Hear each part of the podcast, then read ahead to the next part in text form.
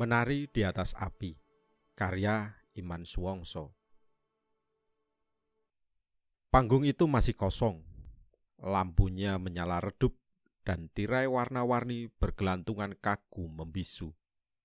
Sesekali suara gemerosok keluar dari pengeras suara yang mengonggok hitam di sudut panggung. Bau kacang rebus diterbangkan angin dari lapak penjual kaki lima. Awak panggung yang biasanya unjuk diri, tak satu pun yang berani muncul. Aku menontonnya dari kejauhan di bawah pohon kelapa. Tidak seperti pementasan-pementasan sebelumnya. Malam ini aku merasa menjadi laki-laki yang paling menang. Kegelisahan di sekitar panggung itu dapat aku saksikan dengan jelas Ketika jam di arlojiku hampir menunjukkan angka 11, terdengar suara dari mikrofon dengan nada mengiba. Suara itu adalah suara Paidi, ketua rombongan campur sari ini. Harap sabar, ada kesalahan teknis, katanya. Pengumuman itu disambut dengan suara-suara protes dari penonton. Mereka bersorak tidak sabar menunggu kemunculan Parmi.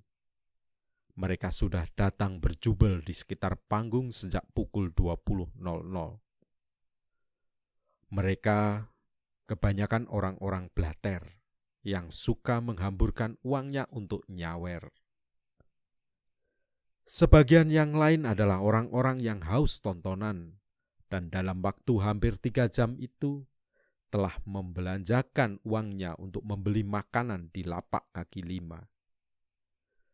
Sedangkan yang mereka tunggu, Parmi tidak muncul juga.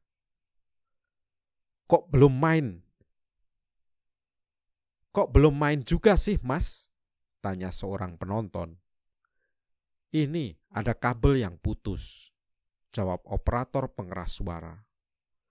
Kabel putus saja kok lama. Hei mas, tempatnya Parmi di mana? Kok tidak muncul-muncul?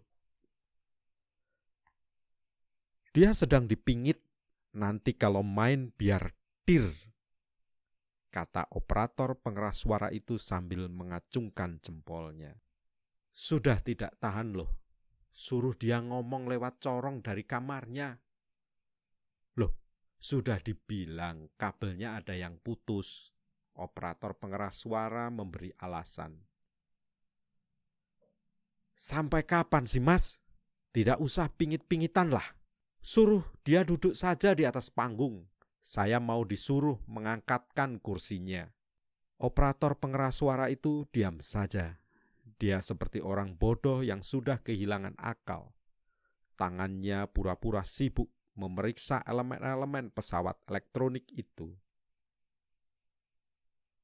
Parmi adalah bintang panggung yang menjadi pujaan para penikmat campur sari. Paidi selalu mengandalkan Parmi di setiap pertunjukan yang ia gelar di desa-desa. Aku membayangkan suatu yang pahit dari bawah pohon kelapa ini. Parmi di atas panggung, gaunnya berwarna merah, selendangnya hijau, dadanya separuh terbuka kulitnya yang putih ditabur jeli, berkelip memantulkan sinar lampu. Dia duduk tegak memamerkan tubuhnya yang langsing. Ototnya berisi, otot yang terlatih karena gerakan-gerakan tari yang hampir setiap hari dilakukan. Tubuhnya memang segar, mendebarkan semua orang yang melihatnya. Lehernya jenjang, pernah ada yang berbisik. Leher itu semestinya milik Peragawati. Parmi duduk saja di atas panggung, dadanya penuh, bibirnya tidak berhenti-henti menyungging, dan lirikannya kepada penonton yang hampir keseluruhan laki-laki seperti magnet yang menyedot mereka untuk mendekat padanya.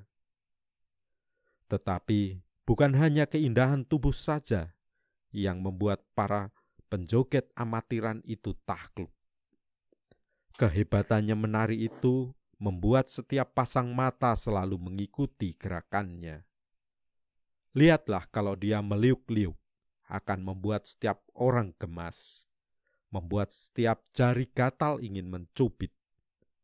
Tidak saja laki-laki, perempuan juga akan menyeru, Hae, oke, o oke, mengikuti irama tarian Parmi.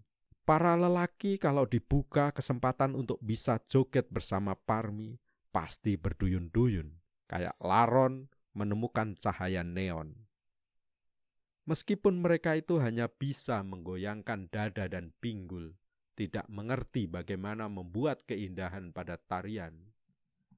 Yang penting bisa berhadapan-hadapan dengan Parmi dalam berjoget.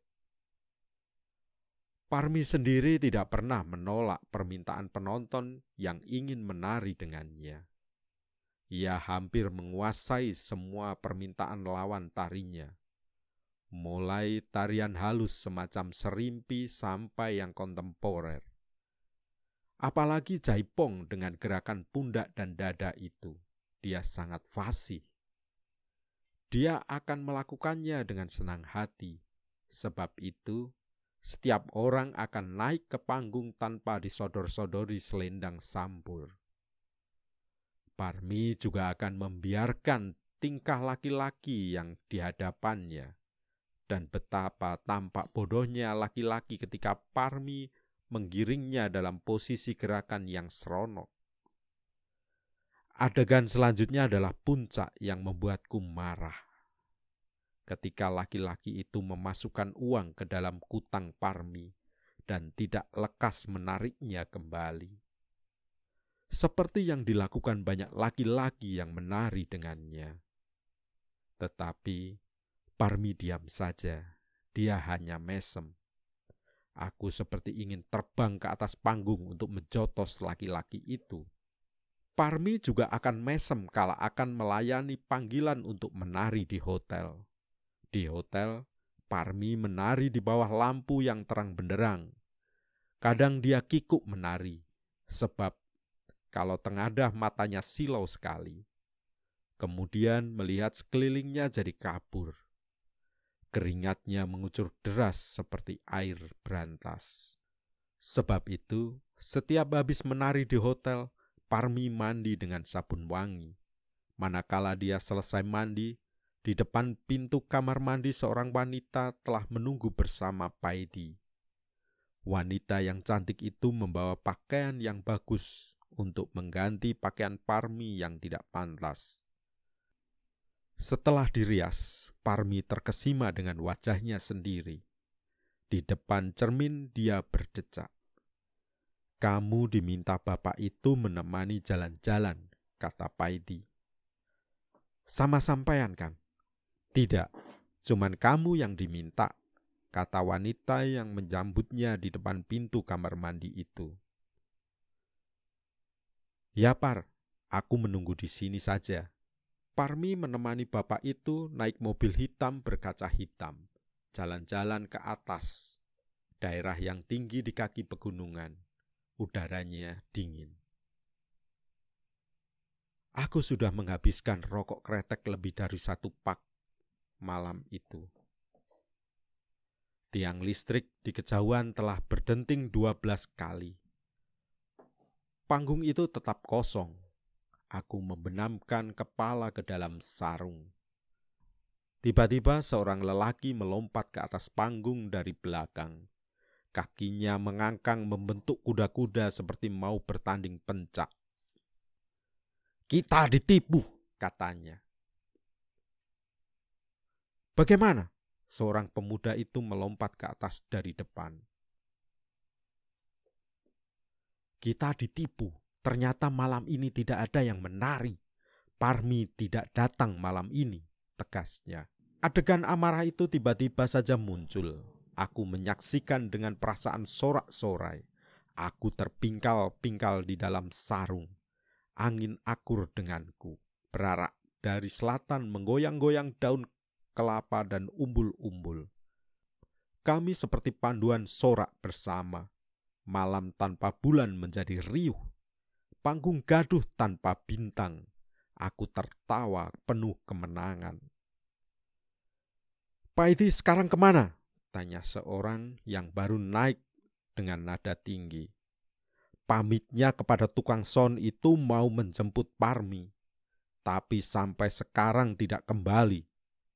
Kata lelaki yang pertama kali naik ke panggung. Pastilah dia itu telah melompat ke dalam sungai karena tidak dapat menemukan Parmi pikirku.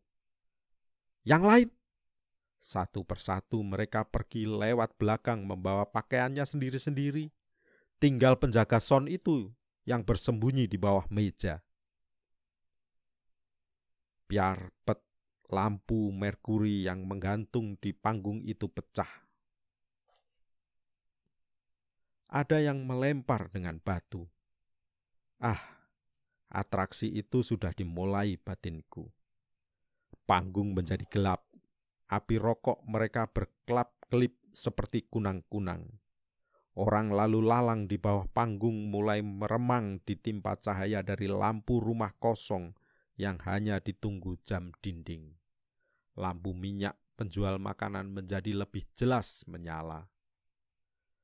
Sambil mengisap rokok dalam-dalam, aku bisa merasakan betapa marahnya mereka. Namun, tiba-tiba bau bensin menjalar, merambai hidungku bersama asap rokok. Orang-orang di sekitar panggung itu berbisik-bisik tidak jelas rupa dan suaranya. Lantas ada kesibukan yang meningkat. Persis seperti pasar malam, tidak jelas ke mana mereka berjalan, simpang siur. Sejenak kemudian ada api meletup dari ujung korek. Api itu berayun terbang ke udara dan jatuh di atas panggung. Panggung terbakar Api dengan cepat menjalar. Kebakaran! teriak sebuah suara. Namun lidah api menjilati panggung dan tirai-tirai dengan cepat. Panggung menyala merah, wajah orang-orang itu marah. Aku lekas berdiri, keterlaluan. Aku tidak mengharapkan kebakaran ini terjadi. Dadaku gemetaran. Ada pesta sukaria di sekeliling api unggun penjual makanan menggulung dagangannya menyingkir ke kejauhan. Ada seorang yang lari-lari membawa ember. Minggir, minggir! Dia mengguyurkan isinya ke atas panggung yang kian membara. Tetapi, adakah gunanya air seember? Melintasi dini hari, suara wanita pecah di kegelapan. Tangisnya melengking. Dia menghambur ke api panggung berkelebat mengibarkan rambutnya yang panjang tergerai. Dia sudah tidak kenal takut, melompat ke tengah-tengah api seperti seorang melompat ke dalam kolam renang. Orang-orang itu hanya tercengang dan menutup wajah. Hanya aku menatap dengan gusar kenekatan wanita indah itu. Parmi, teriakku. Aku tarik rambutnya yang menyambar di depan mataku. Hanya sehelai yang kudapat sudah terbakar ujungnya. Hentikan Parmi, teriakku lagi. Biarkan aku terbenam bersama panggung ini, katanya sambil menari di kobaran api reruntuhan panggung. Jangan Parmi, suaraku sangat mengibah. Itulah kamu mas, hanya bisa melarang-larang saja. Kamu melarangku menari karena api cemburu. Kamu hanya ingin aku menari denganmu. Api itu telah membakar panggung ini sekarang. Marilah sekarang bersamaku di dalam api panggung ini. Katanya, aku tidak bisa berkata lagi. Parmi terus menari dengan kostum api. Betapa sekarang aku merasa bukan laki-laki, hanya mampu mengancang-ancang untuk melompat ke dalam api, hanya mengancang-ancang. Aku telah menemukan seorang pengecut di hadapan penari yang menjelang ambruk. Aku, para penonton itu hanya menonton, terkesima adegan api. saat mereka menatapku, terasa bergalon ludah disemburkan ke mukaku.